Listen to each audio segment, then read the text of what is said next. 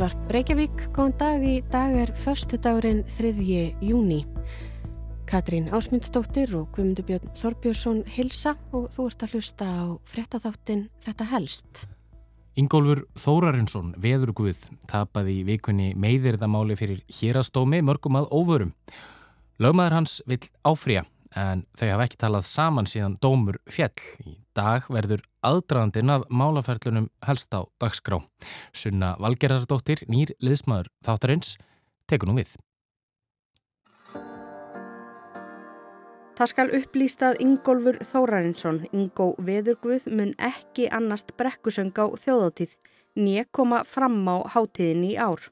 Þessi ákverðun nefndarinnar svarar fyrir sig sjálf og verður ekki rætt frekar af hennar hálfu.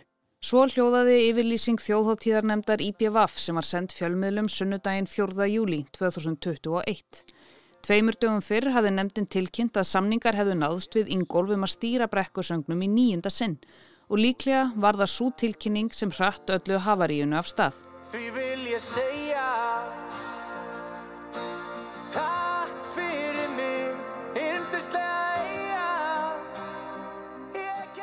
Þetta er í nýjunda skiptið, eða það áttunda, af því að það var náttúrulega engin háttíð í fyrra. En engin veit hvað átt hefur fyrir en mist hefur, það er alltaf þannig, og gaman að fara aftur í þessa stemmingu sem er oft úti í eigum. Var haft eftir Ingólfi Þórarinsinni, tónlistarmanni og veðurguði í fréttablaðinu förstudagsmorgunin annan júli í fyrra. Ingó hafi tekið við brekkusögnum fyrst árið 2013 og sungið hann óslitið síðan hverja einustu verslunumannahelgi. En guðurnir voru Ingo ekki mjög hliðhollir þennan förstu dag og veður skipaðist sérlega skjótt í lofti eftir því sem leið á daginn. Og það hefur raunar ekki blásið mjög byrlega fyrir Ingo síðan þarna í júli í fyrra. Eftir meira en áratug af mikilli velgengni á tónlistarsviðinu skall MeToo-bylgjan á honum með offorsi. Ingólfur Þóraðinsson tónlistamæður segist ósáttur við ákvörðun þjóðáttíða nefndar Vesmanega að hann sjá ekki um brekkusöngin í ár hann muni bregðast við. Hann neytar ásökunum sem hafa verið borðnar á hann. Aðgerarhópurinn Öfgar byrtu um helgina naflausar frásagnir yfir 20 kvenna þar sem þær greina frá því að hafa orði fyrir kynferðisóbeldi og áreitni af hálfu þekkt tónlistarmanns. Fullir töð verið að sá tónlistarmaður sé Ingólfur Þórarensson, Ingó Veðurguð. Ingólfur sagðist í samtalið fréttastofuna að hann veri ósáttur við ákvörðun nefndarinnar og að hún hefði komið honum aðeins og óvart. Hann ætlar að ráðfæra sig við fólki í kringu sig og segist munu bregðast við á einhver þátt. Aðspurður hvort hann neyti þeim ásökunum sem borðnar hafið á hann, svaraðan að ég sé nöðgari og barnanýningur, já ég neyta því. Þarna heyrðu við í Hauki Holm, fréttamanni í sjónvarsfréttum 5. júli, þremur dögum eftir að Ingo sagði við fréttablaðið að hann hlakkaði til þjóðóttíðar. Eftir að ásakanirnar komu fram sagði Ingo líka við fréttamenn að hann vissi hver hann væri og hann vissi hvað hann hefði gert og hann hefði ekkert annað um málið að segja, annað en það að það ætti eftir að koma í ljósa lokum hvernig landið lægi eins og hann orðaði það. Eins og svo ofta áður tók kommentakerfi internetsins við af ásökununum og bjóð til enn eina polarisseringuna á samfélagsmiðlum. Góða fólkið húrraðist saman á Twitter með gífurirðum og hjörtum til stuðningstólenda á meðan íhaldsamir þjóðháttíðargestir og aðdáendur Ingolfs tóku yfir kommentakerfið á Facebook. Alltaf neytaði Ingólfur öllum ásökunum sem á hann voru borðnar og svaraði á endanum fyrir sig með hjálp lögmannsins Vilhjálms Vilhjálmssonar sem tók málið að sér. 32 nafnlausar sögur þar sem tónlistamæðurinn Ingólfur Þórarinsson er sagaður um kynferðisofbeldi og áreitni verða kærðar til lögreglu. Fimm verður stemt vegna ummæla sem þeir léttu falla á netinu. Þess verður krafist að þeim sem standi á bakvið nafnlausu sögurnar verði refsað fyrir ærumeyðingar en hinir fimm verði krafðir um afsökunarbeðinni og miskabætur. Málið komst í hámæli þegar 130 konur kröfðust þess að Ingólfur stýrði ekki brekkusöngn leiknum á þjóðháttíði eigum vegna ásakana um kynferðisofbeldi og áreitni. Uh, hverjar eru kröfunar síðan? Ja, kröfunar uh, eru annars vegar þær, uh, hvað var þar þessa einstaklinga að, að þeir byggist afsökunar á ummálanum og dræði það tilbaka sem og greiði miskabætur og lögmáskostnað en hvað var þar kæruna til lauruglu að þá er að svo stöttu einingus gerð krafa um það að við komum til verði refsað lögum sangkvæmt Eh, fyrir ærumengar. Saði Viljálmur í fréttunum um meðjan júli. Lítið hefur frjast af lauruglukærunum síðan og í sjálfu sér líka af Ingólfi sjálfum. Hann hefur spilað nokkur gigg á tenni og eflaust líka hérna heima á þess að það hafi farið hátt. En varðandi kröfubrifin 5 sem voru sendt til baróttu fólksins Eddu Falag, Ólafar Töru Harðardóttur og Sindra Þórs Hilmars Sigriðarssonar og blada kvennana Kristlínar Dísar Ingilínardóttur og Erlu Dóru Magnúsdóttur, þá báru þau ekki tilætlaðan árangur. Það er að segja, ekkert þeirra baðast afsökunnar á ummælum sínum eða fréttum og stóðu þau öll við hvert orð. Og það er kannski óþarfið að taka fram að þau neituðu líka að greiða miskabæturna sem þau voru krafinum, samtals 14 miljónir króna. En svo barst allt í einu risastóru yfirlýsing úr óvæntri átt um miðjan júli. Auðugur frumkvöðl ætlar að greiða málskostnað og eftir atvikum miskabætur þeirra sem Ingólfur Þórarensson hefur stemt. Tónlistamæðurinn krefst miljóna í bætur frá fimm manns vegna frétta og ummæla um hann. Kristlín Dís Ingilínardóttir, bladamadur á fréttablaðinu, fekk sína kröfu senda í morgun. Þetta kemur mér á óvart. Mér finnst margt áhugavert með elannars hvernig þeir sem að hefa fengið þessi bref sendir og valdir og hverjir ekki en ég gerir nú ekki ráð fyrir að byggast afsökunar á því að vinna vinn mína. Kristlín er krafin um afsökunarbeðinni, leiðréttingu og greiðslu 30 miljóna króna í miskabætur auk málskostnaðar innan 5 daga. Haraldur Þorleifsson, frumkvöðul og auðkýfingur, bauðst í gerðkvöld til þess á Twitter að borga lögfræðikostnað allra sem áþyrtu að halda í tengslum við málafelli Ingóls. Hann hlaut mikið lof fyrir á Twitter. Helgi Hrafn Gunnarsson Pírati sagði í færslu á Facebook í dag að það væri ekki nóg að Ingo tapaði málunum heldur þyrti að breyta lögum þannig að svona mál yrðu tilhafilaus frá upphafi. Ef það þýtti að fólk þyrti að umbera meira af ásökunum þá er þið svo að vera. Tjáningarfrelsið væri mikilvægara en að fólk þyrti alltaf að sanna allt sem það sagði frá. Fólk ætti að geta sagt frá ofbeldi á þess að þurfa að óttast kæru fyrir það. Og þetta endaði fyrir domstólum. Sindri Þór fekk þann vafasama heiður að vera málsaðili í fyrsta meðirðamáli Ingós sem var tekið fyrir í hérastómi Reykjavíkur nú í byrjun janúar. Fleiri stefnur hafa ekki verið þingfestar. Sindri Þór var krafin um þrjár miljónir fyrir fimm ummæli sem hann létt falla í aðtóðasemdakerfum. Hann byrti mynd af kröfubrifinu á Facebook síðu sinni og í færslu sem hann skreifaði segði hann Ingólf ekki fá krónu með gati. Hann stæði hilsugar við það sem hann hefði sagt og væri æfinlega stoltur af því að hafa ljáð krafta sína baráttunni. Hérastómur hvaðu búrskursinn á mánudaginn síðasliðin 30. mæ síknaður. Við erum að taka hægt og rólega í gegnum dónstóla í ákvað skref í þá átt að uh, það megi tjá sig um ámælisverða hegðun, það megi að þólendur með í högnumæli stiga fram og tjá sig.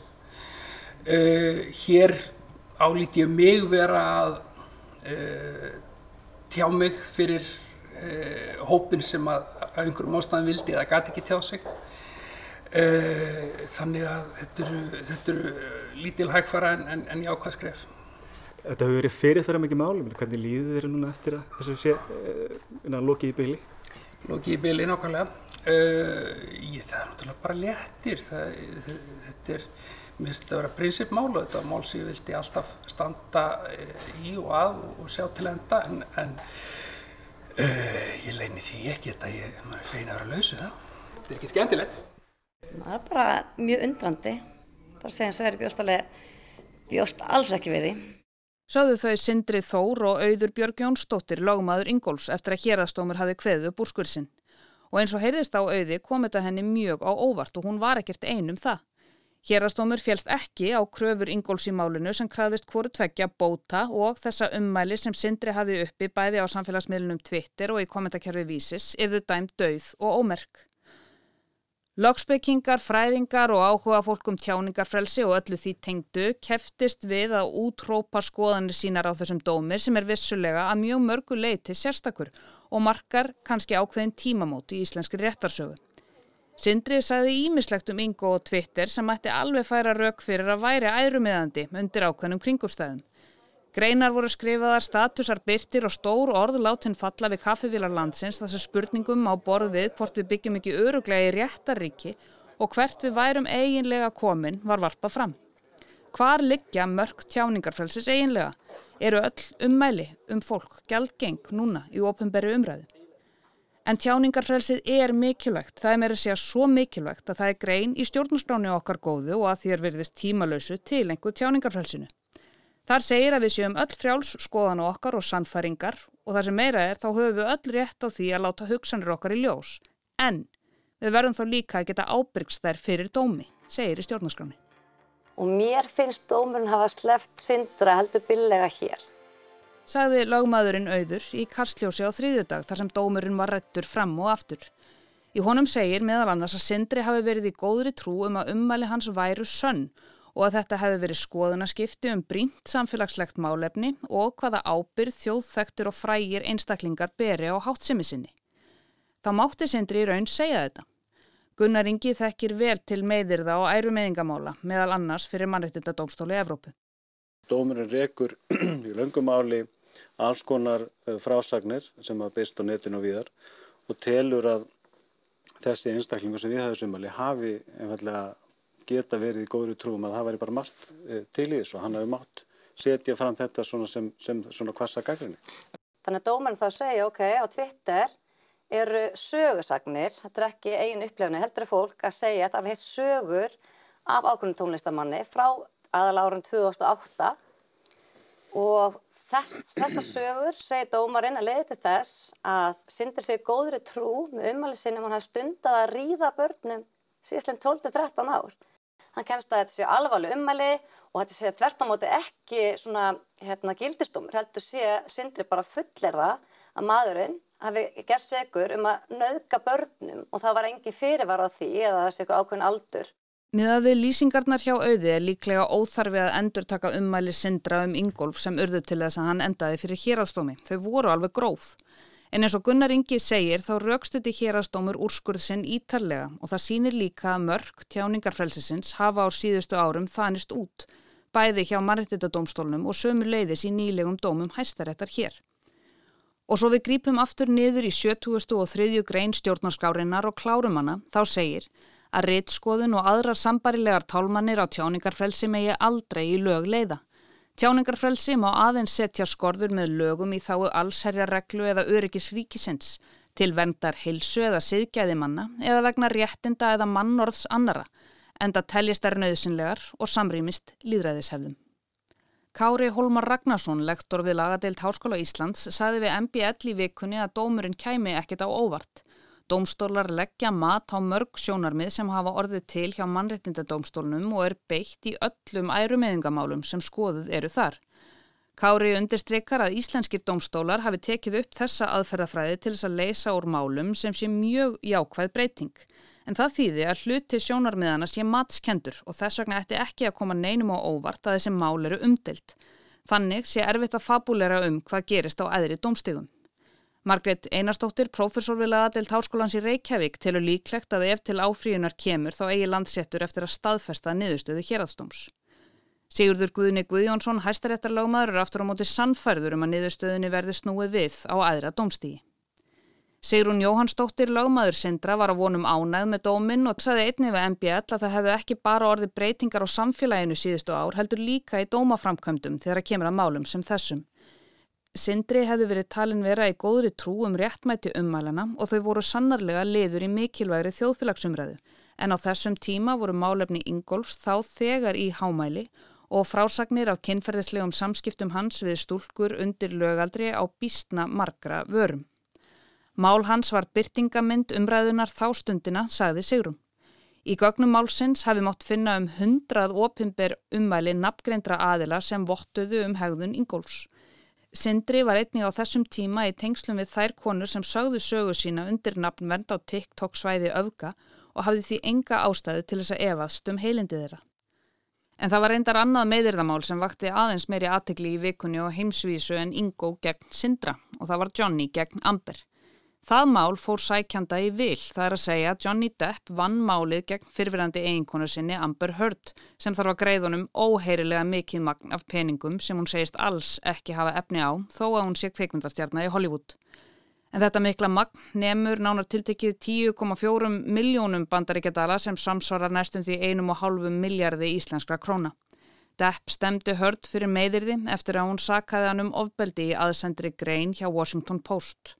Hörd var sakfæld í öllum ákjærulegðum og saði lögmaður hennar við fjölmiðla um leiðum vapin að lesa dómin og ráðfæra sig við skjólstæðingsinn að þær ætliðu klárlega að áfrýja dómnum.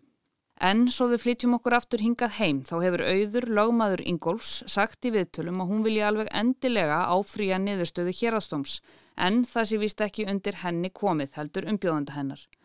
Hún saðist meðal annars varðla hafa fest svefn nóttina eftir dóms uppkvæðninguna og hún ætli að leggja hart að Ingólfi að áfrýja málinu. Við náðum í skottið á auði í síma til þess að fá á reynd hvort dómnum verði áfrýjað en hún var þá á leiði frí og saðist ekkert hafa heyrti Ingólfi síðan dómurinn fjall. Við reyndum hann á sambandi við Ingo en hann svaraði ekki símanum. Hann sendi reyndar SMS með skilabóðunum SMS með erindi og þá ringi ég tilbaka. Því var svarað með fyrirspurt frá Rúf um viðbröð við domnum en Ingo ringdi ekki tilbaka. Þau hafa fjórar vikur til þess að ákveða hvort þau hyggist áfríja til landsréttar svo fresturinn rennur ekki út fyrir í lok júni þannig að það er nægur tími. Og svo er spurning hvað gerist með hinn kröfubrifin og það á allt saman eftir að koma í ljós.